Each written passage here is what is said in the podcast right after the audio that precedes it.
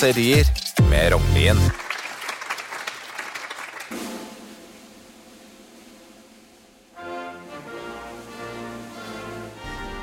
så har verdens største krigsskip, Gerald Ford, besøkt Oslo. Og norske medier flommet over av saker om hvor mye sex Oslo-jentene kom til å få.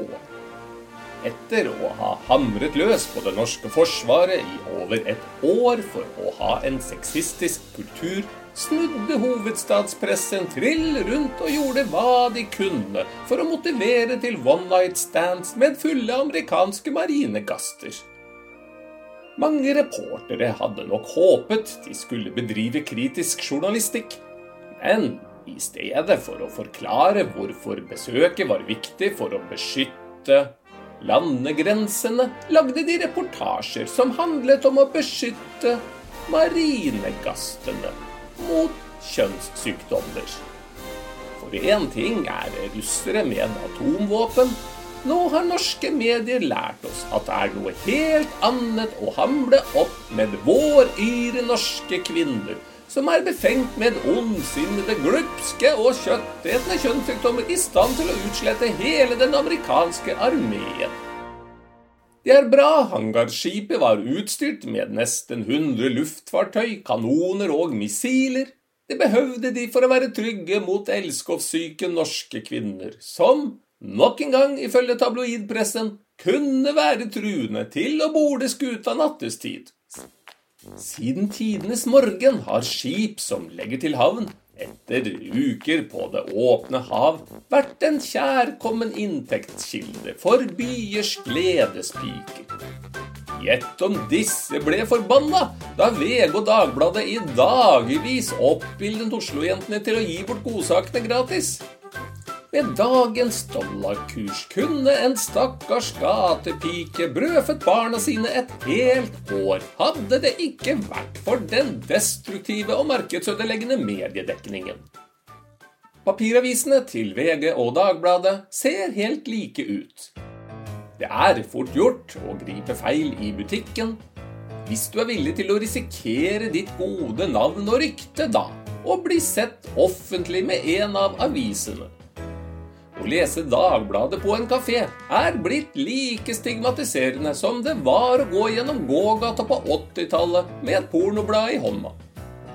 Den eneste forskjellen mellom de to er at mens Dagbladet skriver om sex i 90% av sakene, nøyer VG seg med 75 Så får vi se om kvaliteten i hovedstadspressen øker, nå som snart roboter litt etter litt overtar skrivingen.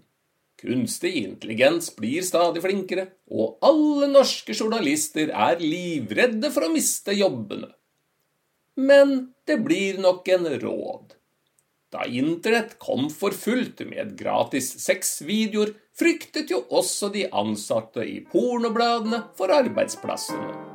Men kunsten i slike situasjoner er å omstille seg, og det gikk da vitterlig bra med journalistene i Mannfolkbladene, Aktuell Rapport og Alle Menn. De fikk jobb i Dagbladet, alle sammen. Da er det kanskje ikke så rart at mediedekningen av hangarskipets Oslo-besøk ble i overkant sexistisk, der amerikanerne bent fram ble framstilt som sexobjekter. Hva om hangarskipet hadde vært bemannet med 90% kvinnelige soldater? Kan det tenkes at det hadde kommet anklager om kjønnsdiskriminering hvis avisene hadde skrevet at nå skulle de kvinnelige marinegassene få kjørt seg i møte med alle Oslos unghingster? Jeg bare undrer. Og når jeg først er i gang, la meg undre litt til. I likestillingsbyen Oslo er kvinner selvbevisste, høyt utdannet som de er. Jeg tipper derfor det finnes et og annet hunnkjønn som ikke kjente seg igjen når det ble tegnet et bilde av sexgale norske jenter som har lengtet hele livet etter å få en natt med en full amerikansk sjømann. Tore Strømøy så i det minste humoren i galskapen og fastslo at han ikke kommer til å bli arbeidsledig i framtiden. Så mens landet ler godt av Tore på sporet, gremmes vi samtidig over hovedstadsmedier på jordet. Vi får krysse fingrene for at når roboter om noen år har utkonkurrert sexfikserte norske journalister, kan vi igjen få hevet kvaliteten på tabloidpressen.